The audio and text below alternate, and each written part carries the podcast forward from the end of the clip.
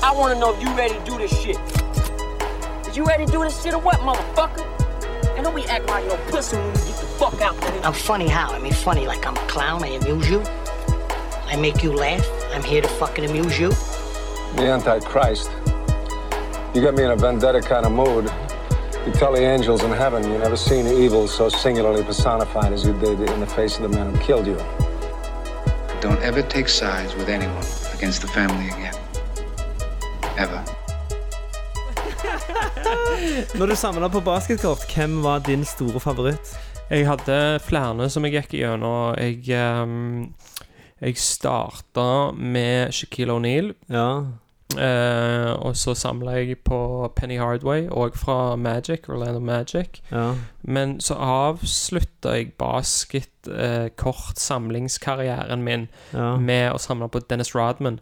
Ja. Uh, og han har jeg faktisk eh, De korta har jeg ennå, da. Men jeg, jeg, jeg slutta Ja. å samle på kort før han gikk over til Lakers. Da. Så, det, så jeg har fra Ah. Pistons, Spurs og Chicago Bulls. Og så etter det så gikk han til, til Lakers, da. Ja, min favoritt var Jeg husker jeg begynte å samle, så hadde jeg ikke en favoritt.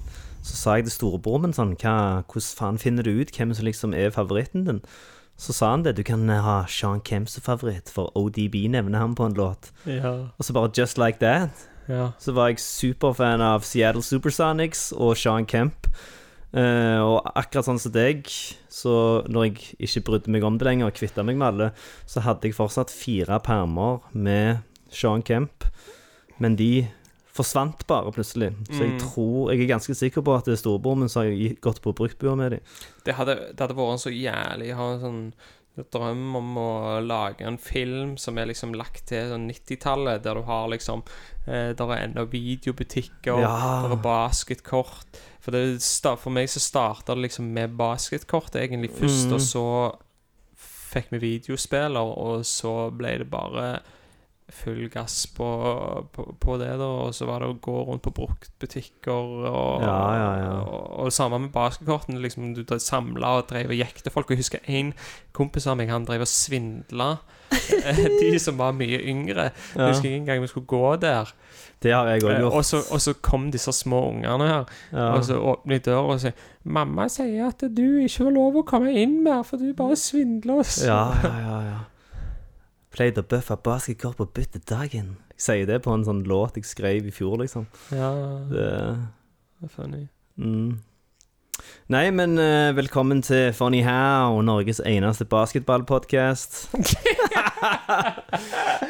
Norges eneste gangsterfilmpodkast, der vi hver episode tar for oss en ny film, diskuterer litt fram og tilbake hva vi liker, hva vi hater, for å komme fram til er denne filmen en made movie, og det vil si en klassiker innenfor sjangeren.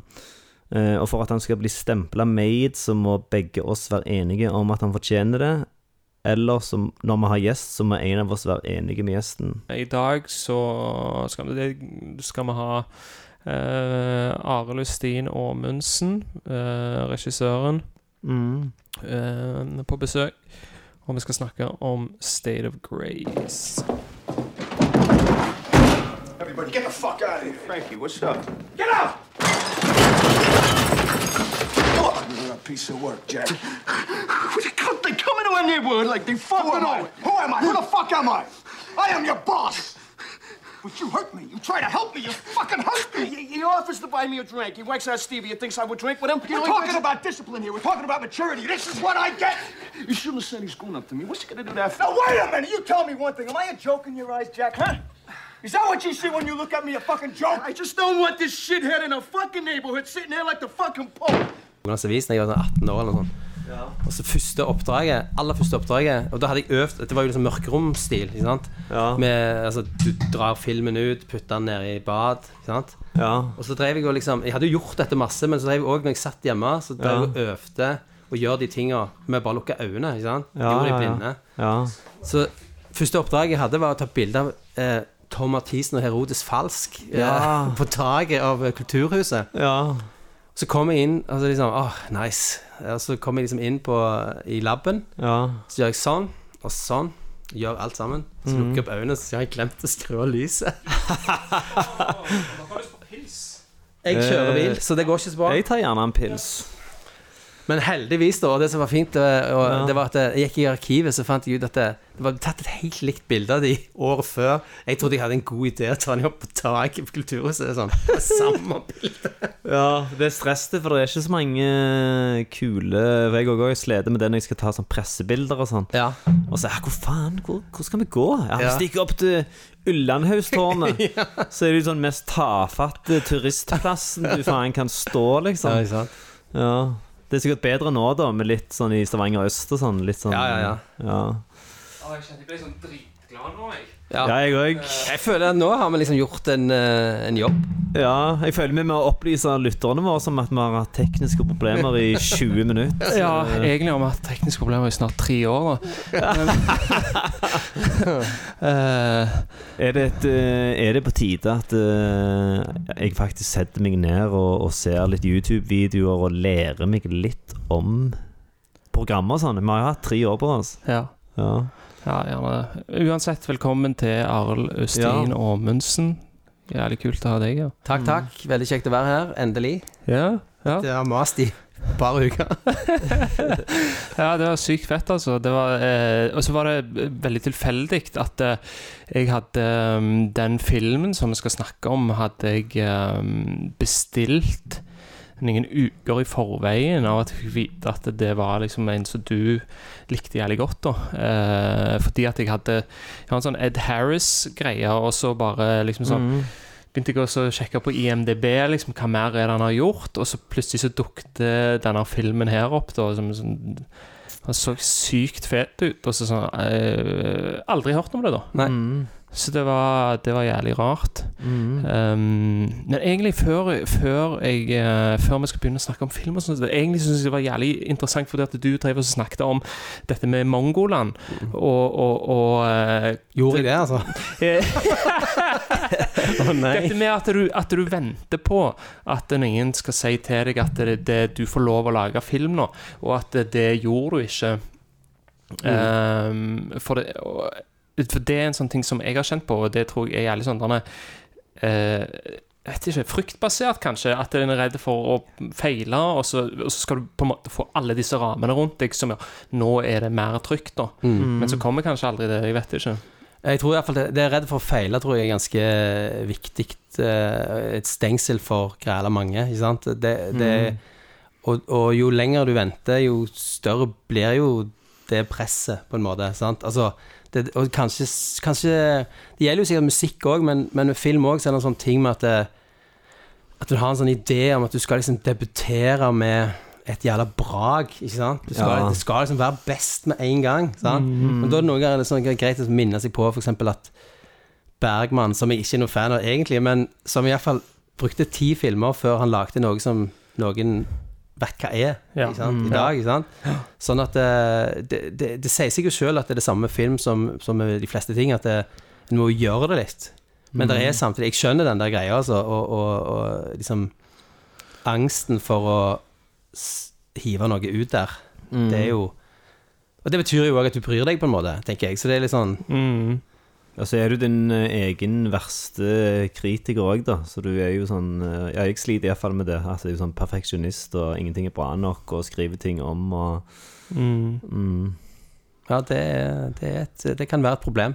Ja. Men eh, eh, sant? Så når du da har liksom, gjort det en gang og to, så Så eh, Ja, jeg vet ikke jeg, altså, om det blir bedre. Jo, det blir litt bedre, altså. Det, alt, alt blir Mye blir bedre når du blir eldre.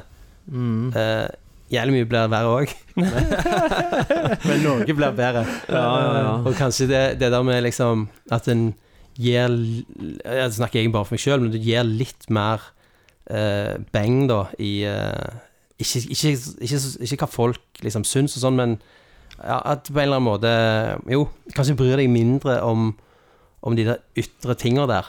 Og du lærer deg f.eks. at du må ikke lese aviser eller eh, kommentarfelt eller sant? som, hvis du er sensitiv for den slags stoff, så må du bare la være. For det er jo et eh, ja, ja, det er jo, eh, det er jo et uh, hull uten like, ikke sant? Å begynne der. Mm. Og lese hva folk mener om deg. Ja, ja, ja. Det er ikke så fall hvis du har sånn spesifikke folk som tydeligvis har en vendetta mot deg.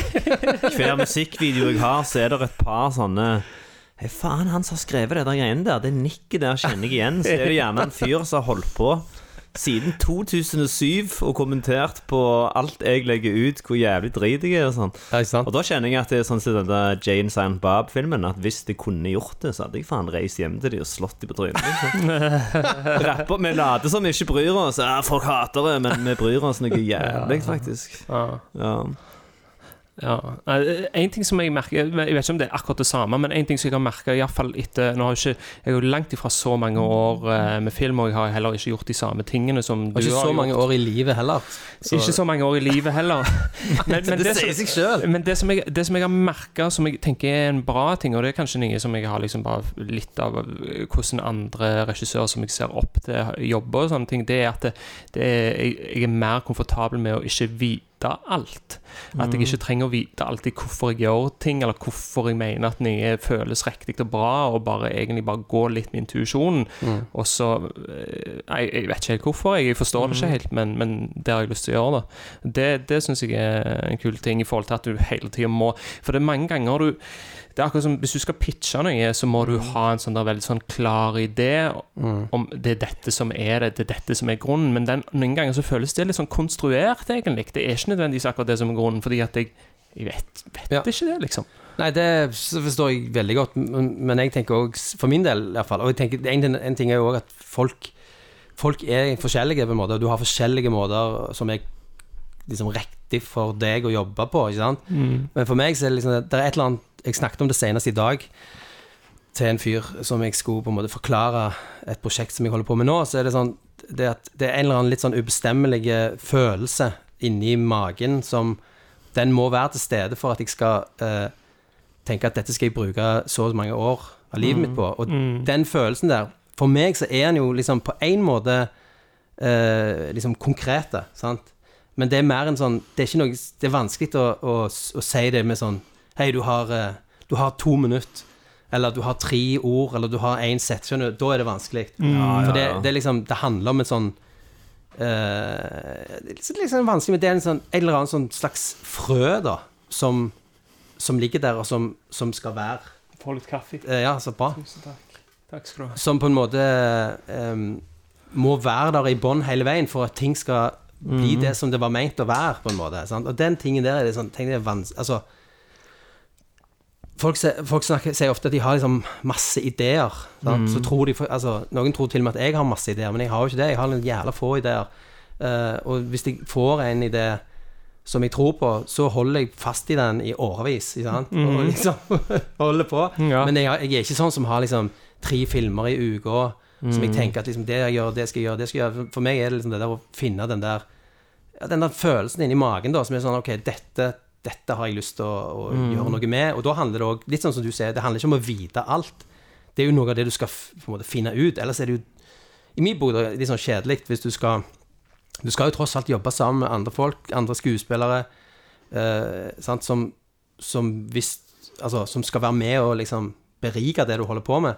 Så på en måte tenker jeg ja, det er viktig å vite hva du vil, men det er òg noe med å være liksom eh, Å være på jakt, ikke sant? Nei, det ble skikkelig Det ble litt um, touchy-feely her. Må roe deg rett ned. Dette er jo en gangster uh, gangsterpodkast, for satan. Nei, men det er jævla fet eh, samtale å høre på det her. Jeg relaterer jo til det på mine egne måter innenfor musikk, så jeg kunne hørt på dere snakke om det her i en time. Ja, Ikke sant? Men, eh, men, eh, men, men du har, har jo òg altså det- Jeg syns bare, jeg, jeg synes det bare er interessant å høre en del om hvordan ting du gjør, og så får vi se hvor mye av dette For vi må jo hvor mye av det går med, men det går an å klippe og whatever. Men, men, eh, men eh, du har jo jobbet i veldig sånn store crew, eller relativt store til å begynne med, og så nå jobber du helt alene. Liksom, hva, eh, hva, hva som er grunnen til det? At du ikke Ja, det var jo altså, Litt av grunnen til det var at altså, den, den første spill... Altså, først var det jo kortfilmer og sånn som på en måte var én ting. Altså, Mongoland var jo en film som var ganske eh, få folk. Altså, det var liksom en fotograf, en lydmann og altså, få folk i crewet, og alle jobbet gratis, og du jobbet når du hadde tid, og det tok et år. Ikke sant? Altså, den greia der. Men så, i de filmene som kom etterpå, så var det liksom gradvis mer og mer proft, på en måte. Og det var noe jeg trodde at jeg ville. Sant? Altså, jeg, jeg tenkte det, det har jeg lyst til. Sant? Mm. Og så ble det større og større og større. Eh, og så på eh, Der det på en måte liksom pika storhetsmessig Altså ikke, eh, ikke selve filmen, men staben var liksom Når jeg lagde filmen Knerten i knipe. Ja. Som er på en måte en sånn en, det, Det er han som snakker med denne pinnen. Ja, ja, ja, Ja, ja, Ja, ja, ja, film nummer tre i den serien der. Og det, det var jo en film som jeg, eh, som jeg både aldri hadde trodd jeg skulle lage en sånn film, men akkurat jeg var, Ja, det er en lang historie. Jeg var langt nede, og så fikk jeg det tilbudet.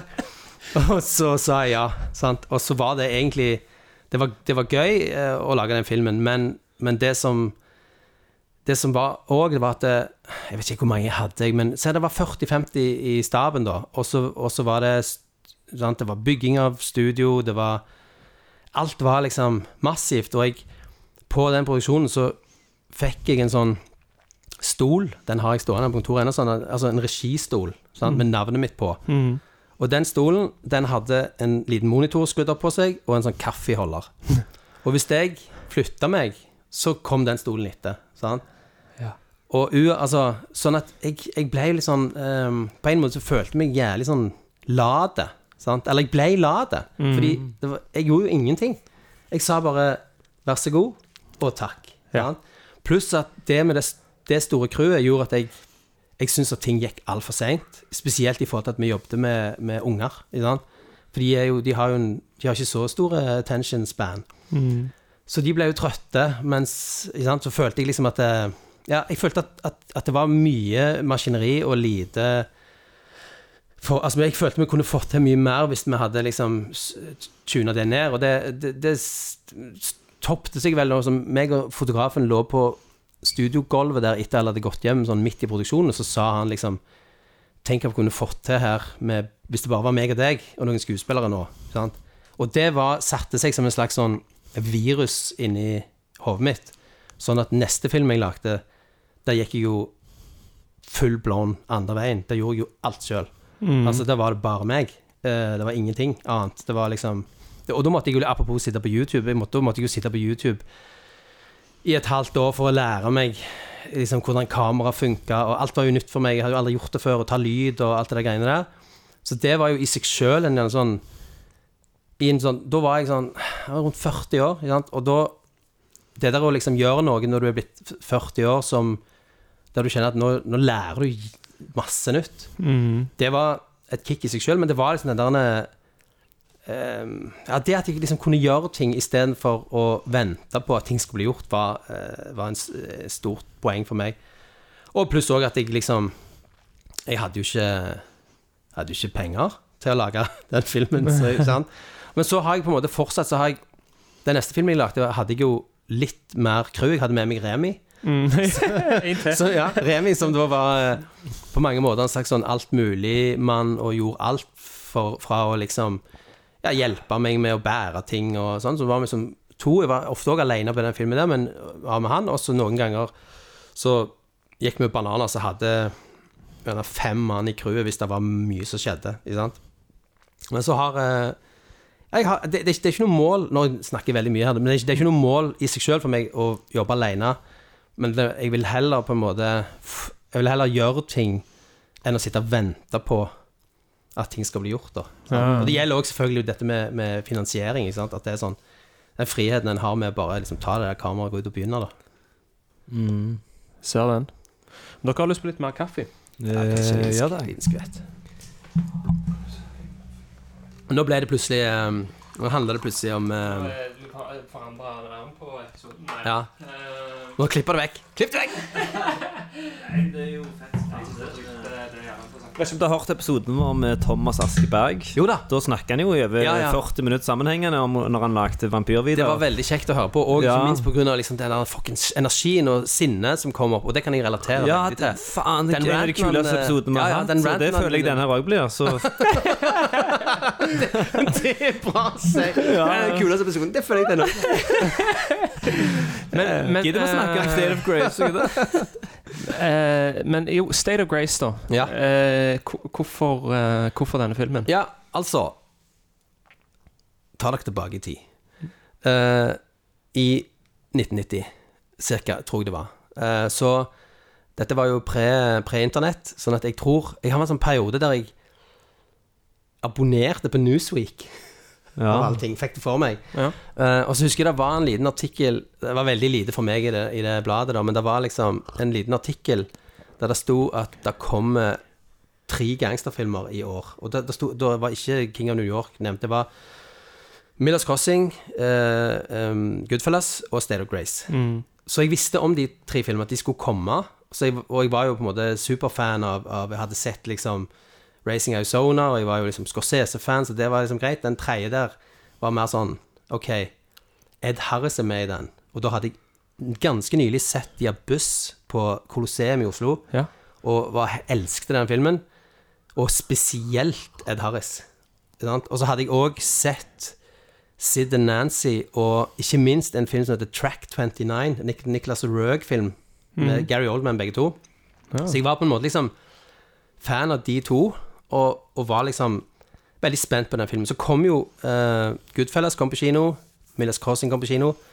State of Grace ble totalforbudt på kino. Oh. Yes! Hvorfor? Nei, hvorfor? Sånn var det i den tida. Millers Crossing ble òg først totalforbudt, men så ble han på en måte frigitt. På grunn av vold og sånn, På liksom? grunn av vold, sant? Men Eh, er og- Goodfellas så mye mindre vold. Nei, jeg vil ikke si det. Eh, Det er veldig merkelig. Men, men eh, sånn så, og da, State, da gjorde på en måte at State of Grace ble en sånn der en, eh, film som ble enda litt mer sånn interessant. Og sånn, hvor ble den av? Men så, lov, liksom. Så. men så dukket han jo opp på VHS. I, han ble frigitt på video da i Norge etter hvert. Jeg vil tippe en eller annen gang i 91. Under navnet Helvetes bakgård. Eh, Nisj, det Jo, er jo. faen så Helvetes rå bakgård. norsk tittel. og da, Neste EP. Ikke sant? Og da, og da husker jeg at jeg Altså, jeg, det var en sånn liten videobutikk eh, på andre sida av det som heter Herbarium nå, bitte liten, som jeg alltid gikk på. Uh, for jeg var en sånn fyr som leide film alene. For jeg hadde ingen venner. Nei, men det var veldig sånn Altså, jeg, jeg, jeg, det var litt sånn fordi at eh, ikke, Jeg hadde ikke noen gjeng heller, på en måte, men jeg men det var liksom ikke Jeg var ikke så glad i å se film med masse andre folk, for de ville alltid, alltid se noe annet. Jeg relaterer til det, altså. Ja, sant? Men så fikk jeg tak i den filmen, og så eh, Og så Et eller annet med den filmen som, som eh, talte veldig til meg. Og jeg tror Jeg tror at det er eh, Først og fremst så var det kanskje Gary Oldman i den filmen som jeg på en måte identifiserte meg veldig med. Og, og egentlig det, altså det som jeg eh, som, som sagt, jeg kommer fra Carl Hammeren.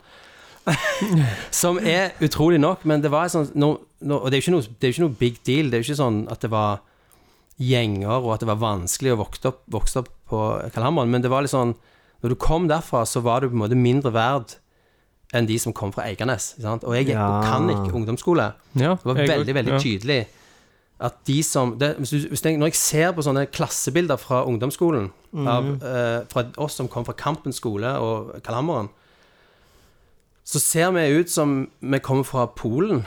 Eh,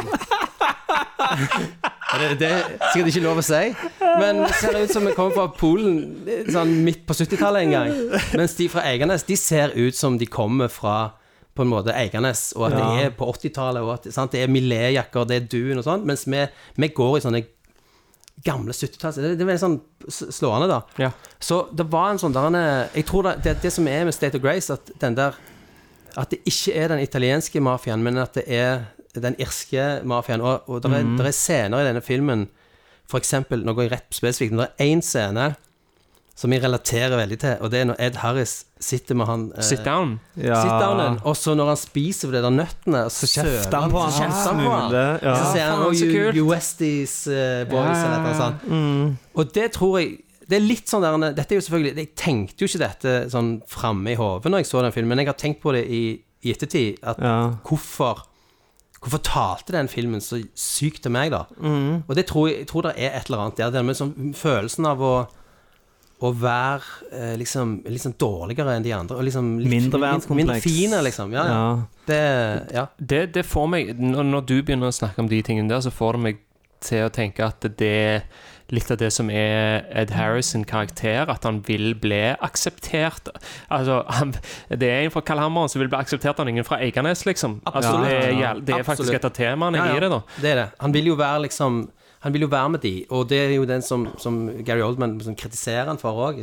Mm. At han liksom han, 'Jeg likte deg bedre før'. Liksom, hvor er den gamle storebroren min, ikke sant? Ja. Så, så Ja. Mm. Så det er jo et tema, og Og, eh, og OK uh, Før jeg slipper dere til Så er en ting til som jeg har tenkt på, og det er Uh, Og dette tenkte jeg på helt nylig, da. Dette var når jeg, satt, jeg snakket med kona mi om et eller annet, og, og prøvde å forstå hvorfor. For hun, kona mi, er veldig um, liksom rasjonelle, på en måte. Jeg er sykt emosjonelt styrt, sant. Mens hun jeg sier ikke, hun har følelser, hun òg. Men hun har mye For hun er f.eks. ikke redd for at det kommer røvere om kvelden når det er mørkt, som jeg kan være. Ja. Eller er ikke, sant? hun har ikke sånne irrasjonelle tanker. Ja. Uh, og det kjenner jeg òg at det, Når jeg så den filmen om igjen nå for, for en uke siden, så er det noe med den der at den, de er så sykt følelsesstyrt, de to. Altså, spe, altså spesielt Gary Oldman, men òg Ed Harris, som prøver liksom å holde ned. Men det er noe der som kommer ut. Og Sean Penn er akkurat som om han òg den Han prøver liksom å han, prøv, han har fått de der følelsene under kontroll. Liksom. Så treffer han igjen Gary Oldman, og så, må han, så begynner han å drikke, og så begynner han å svette, og så begynner han å sant? Det er et eller annet der at de, de er så græla sånn de, de er ikke styrt Altså, det er it italienere i den filmen er, er kaldere, sant? og mer sånn eh, planlegger ting og, og, og gjør, gjør det rette, da. Så er jo liksom Gary Oldman spesielt, han handler jo bare ut ifra liksom, følelser, og det er veldig sånn tydelig. Og han, sant, det der, og jeg tror en bare der er som, som talte til meg, det er liksom Det er òg svettinga, og at han har fett hår, og at han er skjeden, og, og skinn, ikke minst skinnjakken, måten den, den lager lyd på altså, det, det, Så det er litt sånn Det er litt sånn fetisj-ting som går i det forholdet mitt til den filmen. Det kommer ikke ikke Han er, han er sykt sånn scummy, liksom, som han er Må være en av de mest sånne scummy gangsterne. Gary Oldman. Uh, sånn, sånn, som du sier, liksom skitten, da. Ja, jeg, Eh, kun, jeg hadde kun sett han uh, i nærheten av å være sånn type karakter i True, True Romance før. Mm. Han minner meg litt om han. At han var sånn Ja, sykt lowlife, ja. skitten, kriminelle Mm. type. Og, Det, det, det som slo meg med, med den Gary Oldman-rollen, da, at den eh, Han er jævlig stor, ikke sant? Og jeg, og jeg elsker når skuespillere er store, men liksom tar det kanskje til og med sånn rett over toppen, men de, de bikker ikke over sånn at det blir komisk. da det Med Al Pacino da, for eksempel, så har han jo Det har jo blitt komisk noen ganger, men de gangene han briljerer, så er det bare helt sånn konge. da Og Det føler jeg med Gary Oldman òg, særlig i denne rollen. Hvis du sammenligner han med, si, Leon, da, så går det for langt i Leon, men her er det supertroverdig. Det er liksom autentisk hele tida, ja. Eh, og, og, og så er han òg en sykt sånn interessant karakter, syns jeg, fordi han er han er jævlig eh, Hva skal jeg si? da Han er sånn skjødesløs, eller liksom blasert når det gjelder vold og disse tingene. Står og vifter med disse hendene og, og, og skyter ned disse folkene i baren. Men, men, eh, men, men det med i baren, da, eksempel, veldig følelsesstyrt og impulsivt. Men der er noe sånn sårbart og veldig uskyldig med han som, som karakter òg, føler jeg. Absolutt, det er det. Og det er noen sånne veldig sånne fine øyeblikk der eksempel når han sier til Når Ed Harris egentlig har bestemt seg for å ta livet av han, så spoiler time, så, så sier han Når de klemmer, og så sier han liksom Det er faen lenge siden. Er lenge siden. Og Da er det liksom den der han er Og det er jeg helt enig i. Altså, når jeg, når jeg, jeg er glad du sier det med Leon, fordi jeg syns det er en veldig kul film. Jeg syns den var kul når han kom, men jeg, jeg, jeg liksom Åh, shit, der jeg, Der mista Gary Oldman meg, da, på en måte. Det var liksom skuffa. Men jeg, jeg forstår òg de som syns det var grella kult, men det er på en måte en litt sånn der uh, Der er han liksom han, han har noen tics og noen greier som, Ja. som er litt sånn OK, nå har du gjort det noen ganger, eh, ikke sant? Eller Man skal ta disse tablettene og ja, ikke sant? Det er ja, ja, liksom det er på. Ja, ja, ja. Og jeg, jeg er helt sånn Når jeg ser, når jeg ser State of Grace, så, så er jeg sånn Jeg er usikker på om jeg nå hadde Hvis jeg hadde sett filmen nå for første gang, om jeg hadde reagert og tenkt at Gary Oldman er eh, går over toppen. Eh, men jeg har jo måtte, vokst opp med denne filmen på et, et eller annet Ja. vis. Ikke sant? Men jeg er, helt, altså, jeg er helt med deg på de tingene. Jeg er òg sjøl veldig glad i det der som Cohen-brødrene òg gjør mye, at de har liksom karakterer som er De er egentlig langt over, men, men det er bånda i en eller annen At de tror på det. Sant? Skuespillerne tror på det. De, de, de liksom har ikke wink-wink, på en måte. Og det tenker jeg, føler jeg gjerne at Gary Oldman har litt i Leon. At han er litt sånn Nesten som han Litt ironiske. Ja, det, som, det som jeg eh, lurer på, er med den der karakteren som han spiller, Jack, Jackie, eh, så tror jeg kanskje at det En vet jo litt om bakgrunnen til Gary Oldman. Jeg vet at han er fra Øst-London. Han lagde Nil by Mouth. Og når, når jeg så denne, så var det veldig sånn Han, han kunne glidd rett inn i Nil by Mouth, som han regisserte noen år seinere, som er eh, Ja, virkelig sånn denne ekstremt autentisk, da. Um, så så det, det er nok noe med det at det er bundet i et eller annet som er, som er ekte, da. Ja, for ikke Neil by Mouth var fra oppveksten hans. Jo, det er sånn semibasert på Ja. Så da har han vært i den verden der, og det er gjerne en grunn til at han er så troverdig i den rollen her. At han glir rett inn i den der settingen. Du kan nesten lukte badletobakken gjennom TV-skjermen. og ja, ja. Men eh, tilbake til det du var inne på, det der at de har litt sånn eh, At de føler seg ikke At de ikke får det til skikkelig og ser opp til italienerne og sånn. Det er òg en av tingene jeg digger med den filmen her, at de er sånn litt stakkarslige hobbykjeltringer som ikke får det helt til. Eh, og det menneskeliggjør det jævlig da på en måte som du gjerne ikke er vant med å se i sånne filmer som det her. Han er jævlig morsom, den scenen når de er og skal shake down han bartenderen. Og så er de ikke enige på forhånd om hvor langt de skal gå, så begynner de å drøfte dette her midt i shakedownen, og så taper de ansikt og begynner å slåss med hverandre, og de får liksom ikke Ja. helt til å være kjeltringer, da, og så har de sånn at de krangler etterpå, og det syns synes jeg var ganske funny i scenen, da. Og der er det noe altså Sånn som den scenen der, føler jeg noe av det som har holdt seg, eller som har Som dere sier her på podkasten, Ja. ager jævlig bra. Ja, Er det for eksempel Fordi det er i nærheten av eh, Jeg har hørt dere snakke om mye filmer her, men for eksempel hvis du tar en film som Good Time, da, Ja. som har sånne ukontrollerte Og Uncut Gems, sant? som har denne ukontrollerte følelsen av at når de slåss der, så er det liksom Åh, faen.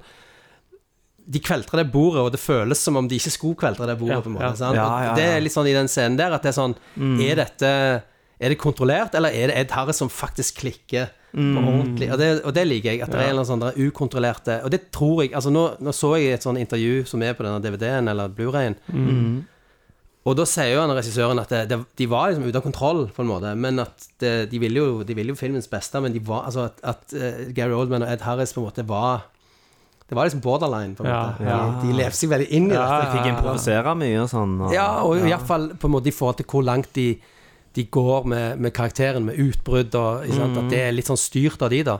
Ja. Og det får meg jo over på å snakke om eh, han fyren som har lagd denne filmen, som jo Han har liksom lagd denne filmen. Han har lagd andre ja, filmer. det, ja. Men, og, og han kom jo fra Han hadde jo akkurat lagd liksom den der båskonsertfilmen Rattle and Hum. En sånn U2-greie. Ja, og det sant? Og så, så det, er sånn, det er sånn rart. Det er sånn merkelig, fordi for, Ok, når jeg da hadde sett denne filmen og var veldig fan, så hadde jeg liksom øynene oppe for han der Phil Janov, eller hvordan du uttaler det. Men det kom jo det kom en film som heter Final Analysis med Richard uh, Der.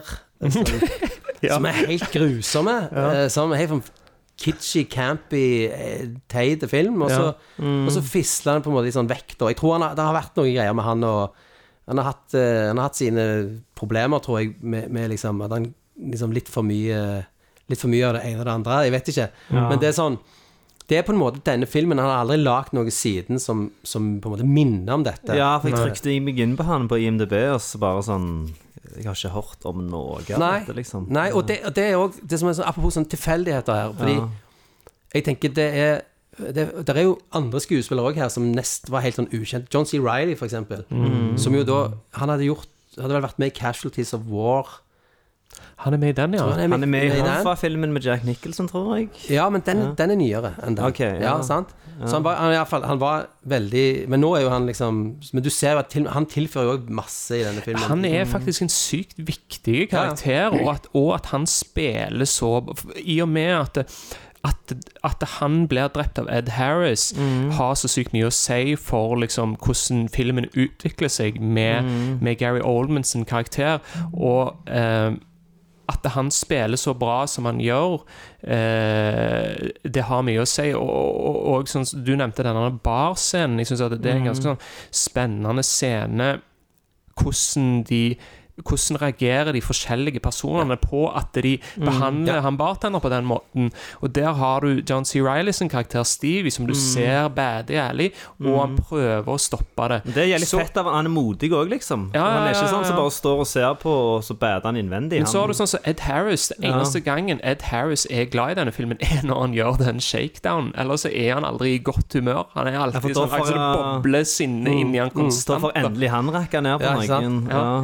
Nei, men det er klart det er sånn som det med John C. Reilly, som er viktig Når han, altså det at han, når han blir drept, så er det genuint jævlig drit. Fordi han er jo så jævla likende, han der Ja. fyren. Mm. Og det du sier, at han, han, han er en fyr som Jeg kan relatere til sånn Jeg har aldri vært i noen gangstermiljø i det hele tatt, men sant, når du var mindre og de, mobbing, de, de som var enda lenger nede for han ville liksom knuse ruter. Ja, ja, ja. Og, og jeg var han som ikke tørde det. Sant? Og sa Ja, jeg må sånn. hjem for jeg er sulten. Og, det, det er liksom han, da. Det er liksom Ja, ja. Reilly-karakter. Han er liksom han fyren. Men så liker han jo at de er vennene hans, for de hjelper han jo. Og, og liksom kissing og sånn. Mm. så han er liksom, litt sånn på begge deler, men, men han, det gjør han veldig sånn likende, da. Og, og søt, rett og slett. Sånn at det er sånn Det er grusomt når han, eh, når han må Det betyr noe at han, Ja, ja. At han går. Absolutt. Ja. Men om han eh, Han spilte vel i masse sånn uh, alvorlige filmer, om vi skal kalle det det, på 90-tallet, og så ble han ja. plutselig sånn komiskuespiller på Var det på 2000-tallet han begynte å være med i alle de der Will, Med Will Ferrell og så videre. Ja. For Han er jo faen så løyen i komedier òg, han Han er jo òg jævlig løyen i Boogie Nights, sant? Ja, Ja, Step Brothers er han hilarious. Men det, ja, altså han er jo en, han er jo, Og til og med også i Magnolia, som er en super eh, alvorlig film. Og det er jo en rørende Hans karakter er veldig sånn Men det er jo alltid noe funny med han. Ja, ja, Det er, ja. der er jo et eller annet Og det er jo at han er, sånn- har et eller annet sånn veldig likende eh, Han ser også verdens greieste mann, liksom. Som Nå kan jeg ta en Håvard Hana og så Ja. komme med en slags sånn der uh, mitt, En av mine få sånne kjendisbumper inn, inni. Ja. Jeg var altså i Sundance, eh, i Sundance-festivalen i 2005. Ja. Og da, på siste kvelden på festen der, så var det sånn stort lokale der alle eh, var. Og så skulle jeg liksom brøyte meg fram til baren for å kjøpe ei øl. Og så liksom, sant, liksom brøyte meg fram mellom to stykk.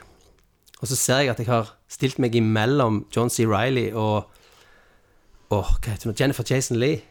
Ja. Jeg har liksom stilt meg som står og snakker sammen. Ja. Så jeg står liksom der som en annen idiot og liksom One beer. Og så står liksom Johns Ja, det var ja, det Dette, var, tid var dette, sa du? Dette var i 2005. Ja, det var, hadde vi mobilkamera, da? Du, Nei, du nei, spurte nei. ikke om en selfie, Nei, det liksom? Nei, nei, jeg, nei. jeg, det hadde jeg ikke tørt uansett. Jeg bare følte meg bare jævla dumme. Ja, Men eh, ja, det var en digresjon. ja, ja. Det var liksom sånn jævla eh, pauseperiode for hun Jennifer Jason Lee, egentlig. Hun har jo kommet tilbake eh, virkelig Ja, ja. eh, siden den gang. Mm.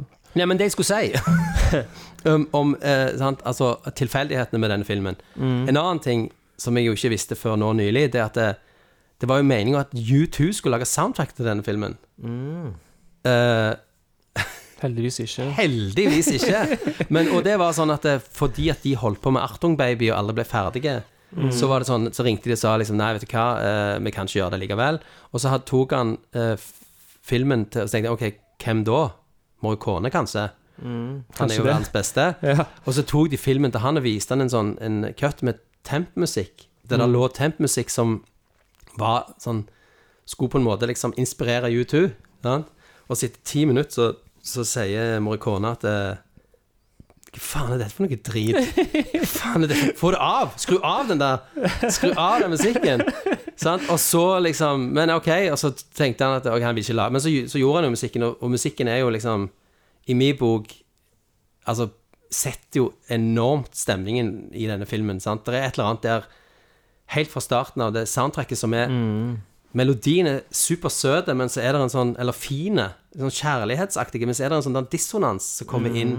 Som er sånn, det er veldig sånn Til hver Morricone så er det veldig nedpå og, og lite flashy, men det er, det er superpresist, fordi det sier det, det, for Denne historien er jo egentlig veldig sånn den er ganske kjærlig, denne historien. Sant? Den er ganske, ganske mye kjærlighet mellom de kompisene og alt det der greiene, men så er det noe som Det er noe som skurrer, sant? Det er noe som, som er doomed, da, sant? Så, det, så det er jeg sånn veldig glad for at eh, At U2 ikke lagde Ja, det, det, hadde, det, hadde, det hadde blitt en he helt annen uh, Jeg føler det hadde bare blitt en helt annen film. Ja, ja. hadde, Ja. Uh, så det, det er det jævlig mye. Og det, det er òg en kul ting liksom med en sånn liten, obskur gangsterfilm som jeg aldri har hørt om, men så har han liksom en sånn eh, Ja, liksom sånn veldig sånn klassisk, da, å ha liksom Ennio Morricone-soundtrack. Mm. Liksom, jeg føler det tar det til, til andre høyder, på en måte, da. uh, Det minner litt om den eh, ene tunen som spilles i Untouchables. Uh, helst de scenene der Kevin Costner er hjemme med kona og sånn. Mm. Så er Ja. han litt sånn nedpå, litt trist eh, musikk som spiller, som minner litt om den som er her, da. Men jeg bemerka meg når jeg så filmen, at det er jævlig få filmer som kommer ut i dag som har sånn minneverdig soundtrack. Mm, mm. Det er litt trist, egentlig. Ja. Ja, For det gjør en film så mye bedre, liksom. Hva syns dere om Sean Penn, egentlig, i denne filmen? Solide som faen, men han havner jo litt i skyggen av Gary Oldman, som får så mye mer å gjøre. Ja, og det, det igjen, dette Når den filmen kom, så var jo eneste jeg Eller da hadde jeg vel sett Sean Penn i Ja, jeg hadde sett Casualties of War, og um, sikkert noe til, men det var ikke, det var ikke mye. Men han, han var jo Når jeg ser på det nå, hva han har gjort, så gjorde han jo eksempel den der han som en den der han high school-filmen der han spiller en sånn surfedude, som er en sånn ikonisk Sean Penn-rolle fra før i tida, der han er liksom ja, han er, han er liksom alle surfeduders far Ja, ja, filmer. ja. Veldig sånn, han, han har spilt veldig mye sånn utskudd og spilte i en film som The Bad Boys, der han spilte en bad sånn boy. fengselgreier. Ja, ikke sant? Mm. Så det som jeg leste nå i, i nyere tid, det var jo at eh, Eller jeg, jeg leste det i nyere tid. Det er jo at eh, folk trodde jo, eller regissøren trodde jo at han var mest interessert i, i rollen til Gary Oldman, men han ville spille han her fyren. Ville- For, det, for han så var det et, eh, et brudd over til noe, å spille noe som var mer tilbakeholdent og, og, og innestengt, da. Ikke sant? Fordi han er jo det. Han er jo han er jo um, han, han holder jo ting inne, og som du ser, han, han, han havner jo liksom i i skyggen av uh, Men samtidig så er det sånn det er jo, han, Uten han så hadde jo ikke kanskje ikke Gary Oldman fungert heller, da. Ikke Det, Ja, det er et sant. poeng. Det er sant. Og jeg føler det veldig sånn Selv om det nå Det er ting nå som igjen Hvis jeg hadde sett det nå, så hadde jeg nok For nå er jeg mer skeptisk til alt. Ja. uh, så, så kanskje jeg hadde følt at det var litt sånn tjukt, men iallfall husker der og da, så husker jeg jeg trodde veldig på den der gamle kompis-greia med de to. Sant? At, eh, men når jeg ser det nå, så tenker jeg sånn Ja, det er litt sånn Kanskje litt sånn klisjéaktig òg. Sånn, Hei, jeg er en fin mann! Ja, det, ja, det er sant, det. det, er sant det. Ja, I den, eh, den introscenen Ja, mellom der. de to. Ja, ikke sant? Ja. Men så er det veldig fint når, de da, når han viser de hendene og, og alt det der greiene der. Da, da er jeg om bord, liksom. Ja, ja, ja. Ja men han er, han er jo, han er jo solid, liksom. Det er helt, helt klart. Eh, og det er, ikke, det er ikke sikkert det hadde fungert liksom, med å ha hatt en sånn karakter sånn som han eh, Gary Oldman spiller, at det, det var hovedrollen. At han, er, at han er en bedre sånn sidekarakter, da, for å si det sånn. Wildcard.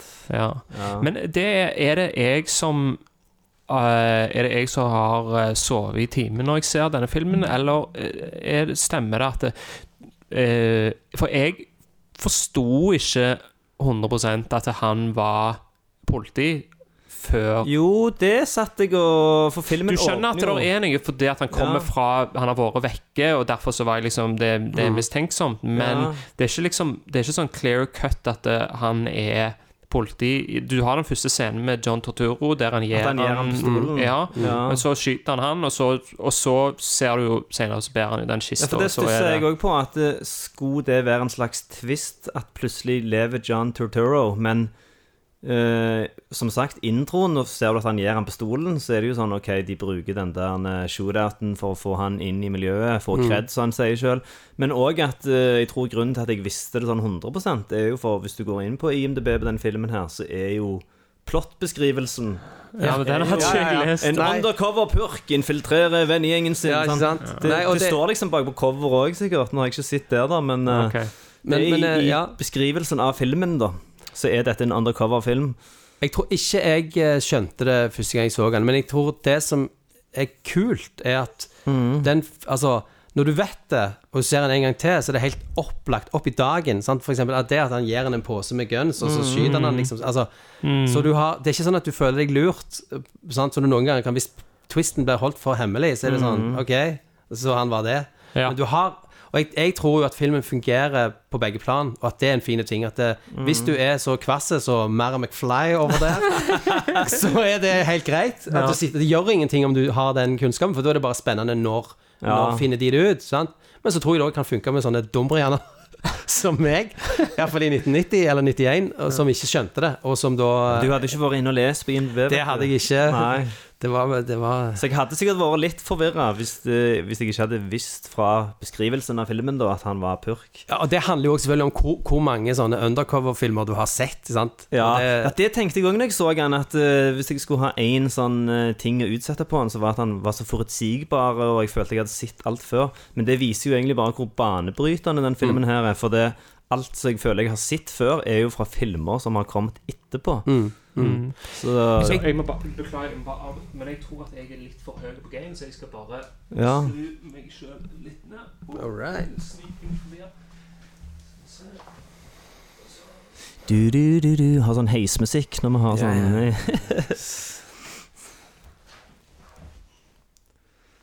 Se litt på notatene imens. Du kjører uten notater, du. Det er hardcore.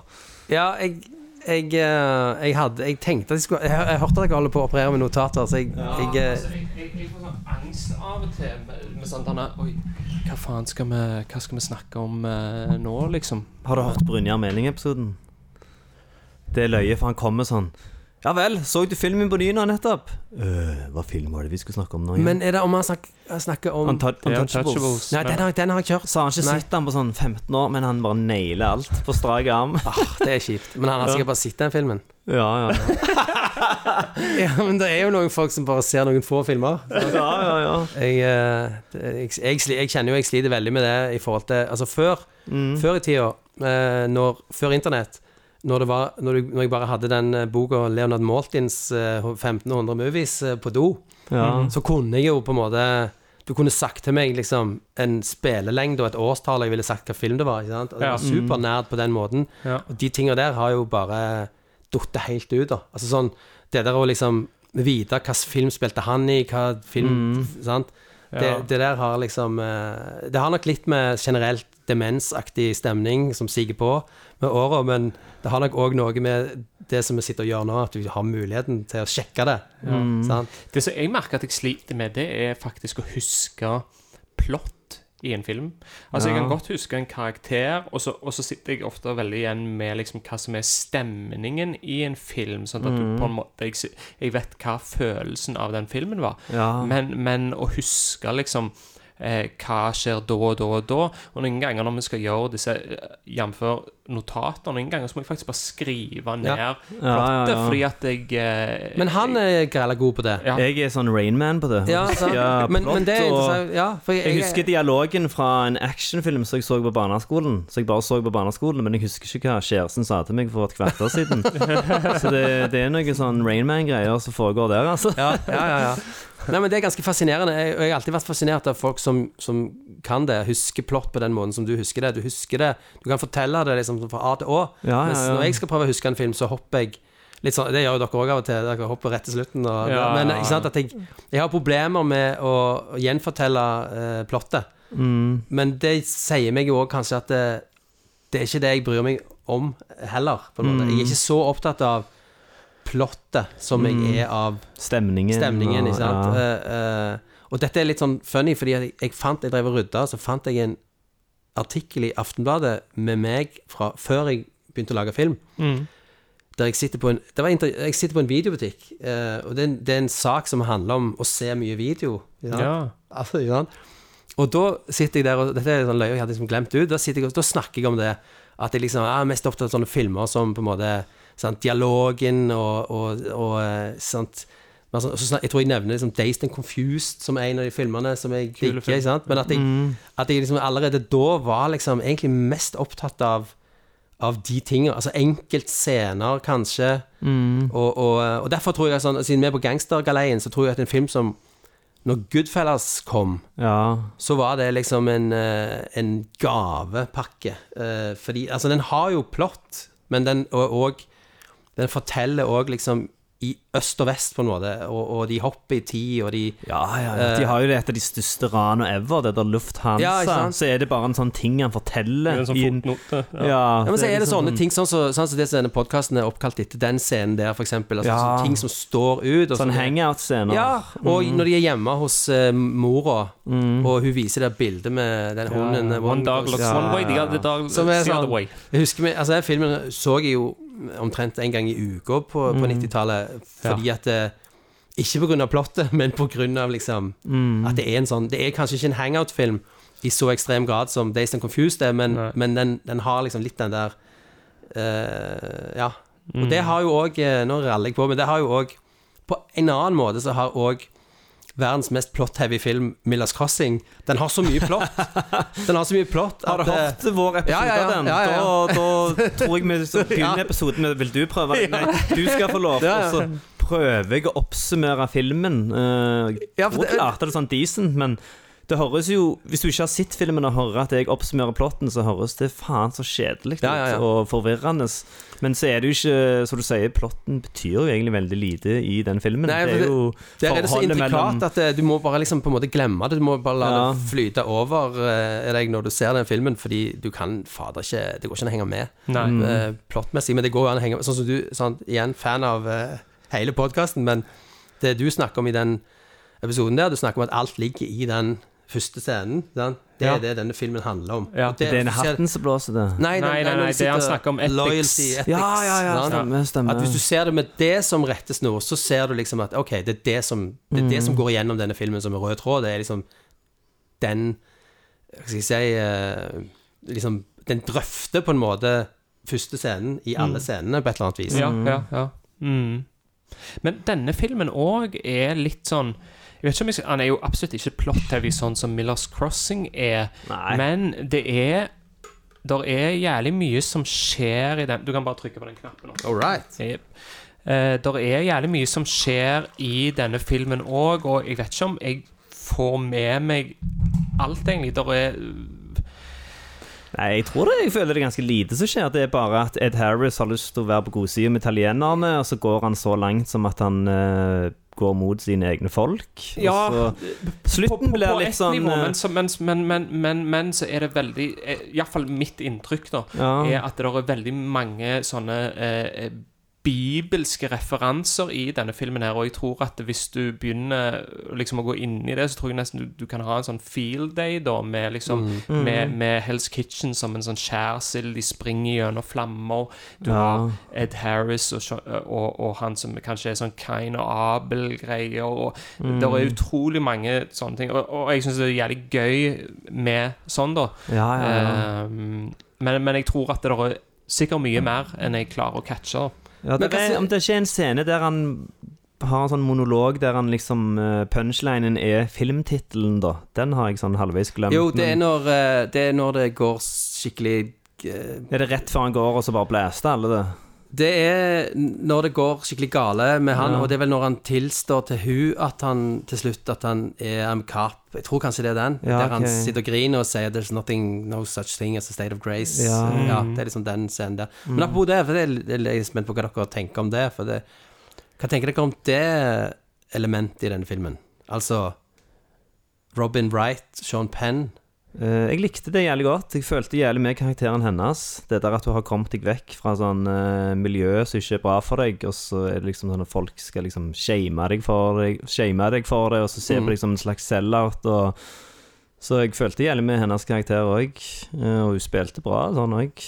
Gjerne litt cheesy, den eh, de der love-scenene, Ja. men det snakket vi om i, i Desperado-episoden. eh, Så dro jeg med inn Boys in the Hood og sånn. Jeg Ja, ja. føler alle de der 90-tallsfilmene har sånn Det var egentlig derfor jeg spurte. Ja, fordi at eh, sykt Når jeg så han nå og tenkte OK, hva, hva, hva tenker Ja. mer om dette?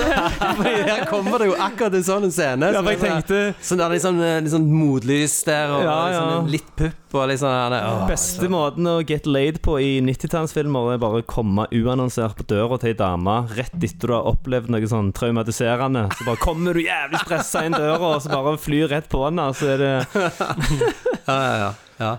Eh, det, det som slo meg mest med det, egentlig var, var fordi at jeg har sett nå i liksom House of Cards sånne ting, at du var så sykt sånn uskyldig i denne her, Mm. da, Er og nå forbindingen ja? er mer som en sånn denne isdronning eh, Mm, Det hun jeg er kona til Kevin Spacey i Ok, Ja, ja. er jeg Og de ble jo kjærester på denne filmen, Sean Penn og hun. De Ja, det er litt vakkert. Ja, ja. For det snakket vi om i Bugsy-episoden òg, med Warren Beatty og Annette Benning. At de Mm. òg falt for hverandre Ja. under den filmen. Ja, det det, er det, er ganske, det er ganske søtt. Men jeg, jeg tror jo også Fordi igjen, når jeg ser han nå med liksom spesielt sånn, sånn sånn kritisk eh, blikk der, Ja. så er det en del ting som er sånn For eksempel når første gangen hun ser han sant? Det er òg en sånn trikk i scenen å gjøre, fordi han, han sitter der, hun står, ser han liksom ikke, og så ser hun han. Det er vanskelig å spille, Mm. men så sier hun liksom 'Look at the cat dragged in'. Ja. Så er det sånn Men Ja, jeg, på en eller annen måte, for å være positiv, da, som jeg jo er til den filmen, så, så det er ikke som De der skådisene, de, de gjør faen alt for, for å på en måte eh, selge ting inn, da. Altså, de, de, de er litt sånn hud og hår, føler jeg, eh, de fleste i denne filmen, at, at de eh, de går forbi det der at noen ganger så er den dialogen egentlig litt sånn cheesy og, og, og klisjéfullt og sånn, men, eh, men de klarer liksom å ja, men det, det, er liksom litt sånn ånda som ber meg Eller det er ånda som jeg prøver kritisk i denne filmen, for jeg har jo et sånn Altså en enormt sånn eh, sterkt kjærlighetsforhold til den filmen. Og, og eh, det har gitt seg sånne utslag som at Altså, jeg har lagd en film som heter 'Rottenetter', der eh, Kristoffer Joner går rundt i en skinnjakke som bråker jævlig. Som var et pain for lydmannen, sant. Men det var jo Altså, det var jo fordi at jeg har fetisj på den skinnjakken til Gary Oldman i denne filmen. Sant? Sånn at det, jeg har liksom noen sånne ting som har bare Altså, skinnjakken alene i den filmen er nok for for få meg til å liksom, liksom bli litt uh, vassen i blikket, da. Den, den har jo òg eh, jeg, jeg, jeg er med sånn, det som du sier, 'Look what the cat dragged in', og, og, og, og, og den, hele den- scenen, sånn som jeg minnes den nå Jeg sier minnes, og jeg har jo nettopp sett filmen, men jf. at jeg ikke husker ting. Husker Eh, du tidligere i dag når jeg kom inn her? det var fine ting. Vi stresset så faen med lyden og Ja, ja. Nei, men, men eh, den, er vel, den blir vel brukt til mye sånn eh, exposition og hva er deres bakgrunn, og forklare det, da. Mm. Men så har du det, det er en av de eh, dialogstemmene som jeg beit meg veldig merke i. Det var han eh, Altså den karakteren spilte John C. Reilly, Stevie, han har sølt Ja. på han ene italieneren, og så sitter Ed Harris i en sånn sitter han med han der Borelli. Ja. Og så sier han liksom at eh, han har gått til six fucking cleaners and he can't get the stain out. Ja, og jeg synes ja, det er jævlig kul dialog. Liksom, denne, dette er en sånn insult som Det går ikke an å reversere Mm. dette. Og det blir brukt om en flekk på eh, skjorta hans. da Ja, ja. Sånn, Det er jævlig sånn clever Ja, ja. dialog. Og der kommer det veldig fram det der sånn, eh, forskjellen på de to lundene, på de it italienerne og irene der. Fordi italienerne har den greia. Det er sånn det er liksom, liksom, ja, klasse, og det er liksom Ja. på, sant? Snakke om cleaning av eh, suits, ikke sant? Men så sitter liksom Ed Harris der. Du, du kan se at han prøver å gjemme den skitnassen fra hva han, Ja, han ja, egentlig er. Virkelig jobber med det. Og det er òg noen sånne andre scener der jeg er så glad i Ed Harris, han kan gjøre hva han vil for meg. Og, Ja. Men det er noen ganger der jeg liksom tenker Er han overspiller nå? Der han liksom du ser han, han holder liksom følelsene sine så jævlig inne. Da, Ja, ja. Som, som er, ja. Samme med når han får, når han får eh, politiskiltet av Sean Penn på slutten òg. Mm. Det trynet som han får der, bare sånn Høy forvreng. Men han, spiller han, sel- han selger det. Han, han spiller jævlig fett, han som spiller rally, han Joe Vittorelli. Jævlig sånn stereotype setning. Det er virkelig På en gangsterfilm-podkast. Joe Vitterelli som spiller på rally! Men han spiller jævlig bra, og så har han eh, et jævlig bra sitat. Han sier 'The most important thing in doing business is good manners'. Ja. Og det er nettopp det disse skitnasene ikke har. ja. Ja, ja. Nei, og det er jo òg en ting, sånn, uh, jf. det der vokse opp på Kalhammeren-greiene Det der som at Som òg er en tematikk i filmen som kommer fram ganske tidlig, det er at det, det er jo tydelig at liksom Yuppiene tar over området, sant? som er litt sånn det som skjer inne i Pedersgata nå, der vi har kontor. Sant? At det, det er liksom Det kommer Det flytter inn Gentrifisering og Ja, gentrifisering og den tingen der. Og jeg tror det òg liksom Altså, når jeg var 20 år, så var ikke det liksom noe som jeg tenkte på. Men jeg tror nok det har gått inn som en sånn greie at det, at det, det, de der folk Og det var jo liksom Det var jo liksom i liksom jappetida, i slutten av jappetida, men det var liksom sånn Det er et eller annet der òg som jeg kan liksom relatere til, Mm. uh, med, med at det, det kommer noen andre inn og tar over vårt nabolag, og så er de mye bedre enn oss, og så får ikke vi være her lenger. Ikke sant? Mm. Så minner meg om denne digresjonen jeg er nødt til å ha. Ja. Og det er for I 2006 så skulle jeg lage en kortfilm. Uh, uh, og så Den som skulle foregå i en sånn eh, En hage, en hagefest, var Mm. greia. Og så hadde vi funnet en hage på Eiganes som var helt perfekt. Og der bodde det ei gammel dame. Uh, og vi hadde tatt kontakt med henne, eller noen hadde tatt kontakt med henne, og hun var kjempepositiv. Det skulle vi få lov til. Helt til hun da stiller spørsmål til han som var produsenten på den filmen, så sier hun ja, men uh, han som skal lage denne filmen, hvor er han fra? Nei, han er fra Stavanger, sier han. Ja, hvor men hvor, hvor i Stavanger? Hvor da? Nei, jeg tror han kommer ut fra liksom Kalhammeren. Å? Han snakker vel sånn gatespråk, han da. Og så fikk vi ikke filma i hagen hennes Nei. fordi at jeg var fra Kalhammeren. Og da kom den der sant, opp igjen, det der Ja, ja, ja. liksom kompleksene fra å komme fra kampen og det var sånn, Og det er sånn Dette er liksom i 2006. Sant? Ja, du får ikke ja, ja. filma her fordi du har feil uh, Hva faen? Kom fra feil side av byen, Ja, altså. det er jævla løye. da. Altså, det er jo, men du snakker om Kalhammeren og de tingene. Kommer For meg, for meg så er det jo Sindre og motsatt. Viggo? ja, ja. Ja, ja, det er jo enda verre. Det er jo, det er jo helt klart. jeg, er jo, jeg er jo vokst opp på Våland og Eiganes, flytta til Eiganes når jeg Ja. gikk på ungdomsskolen. Ja. Eh, og, for- og det er jo òg ei greie, da, er jo at eh, Jeg tror kanskje Flere kan kanskje tenke at folk fra Egernes at ja, det er ikke liksom kult, da. ikke sant? Sånn at det, det går på en måte begge Mm. Ja, ja. veier, da. Ja, Sånn sett. ja, ja. Så eh, hvis du vil liksom Du er fra Egernes, så har du lyst til å være street, liksom. Så. Jeg flytta, jeg flytta fra Viga til Sunde, og der var det nesten like skitten. Så det var ikke så mye forskjell. Jo, men, Ingen som vet men, hva som er men forskjellen, Vigo, det, Vigo var jo på en måte Iallfall når jeg vokste opp, så var jo det liksom ordentlig farlig. At du kunne ikke dra Ja, der. din, ja det var mye Ja. verre sånn storebror med sin generasjon. Ja, og sånn, ja. og jeg, Da var det liksom mye verre enn det det var på min generasjon. Og så trodde jeg det hadde roa seg ned nå, men jeg vet da fader, jeg, du hører jo hele veien om sånn nå, altså, de- unger som slåss, og så filmer det på Snapchat, Mm, og jeg vet da faen jeg hva de holder på med nå til dags. Ja, Hundevåg-stemning. Ungene i dag! var, når du vokste opp, var Våland eh, Var Våland Det var ikke like pent som Eiganes? Eiganes var Eh, fortsatt penest. Det var, det var liksom i nærheten, ja. Ja. Uh, litt det samme. Det aller, aller Ja, men det var jo For Eiganes. de, for de som er liksom en viss alder, som er enten fra Våland eller Eiganes, snakker jo pent, Ja, ja, ja. begge. ja, ikke sant? ja. Mm. Ja. Men eh, Hell's Kitchen, det er noe annet. Helvetes bakgård. Hva synes dere om eh, måten filmen på en måte At alt løser seg på slutten? da Jeg forventa ikke når jeg satt og så den her, at alt bare skulle slutte med en shootout, faktisk. Eh, Det er ikke sånn at jeg eh, har ikke noe imot det, men jeg så ikke den komme. Jeg så for meg at det skulle være litt mer sånn Donny Brasco-type slutt, litt sånn mer drama.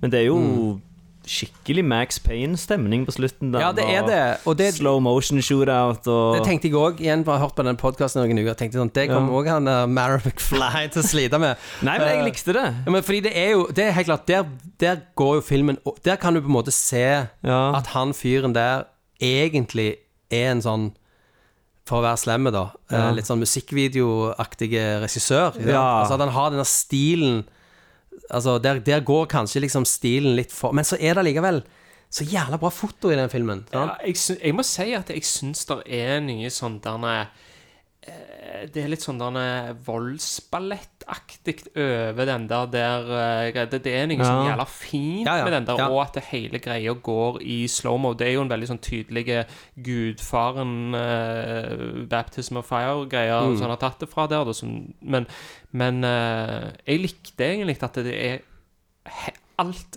er slow-mo, og, Ja, og det ble en egen stemning Ja, ja, ja.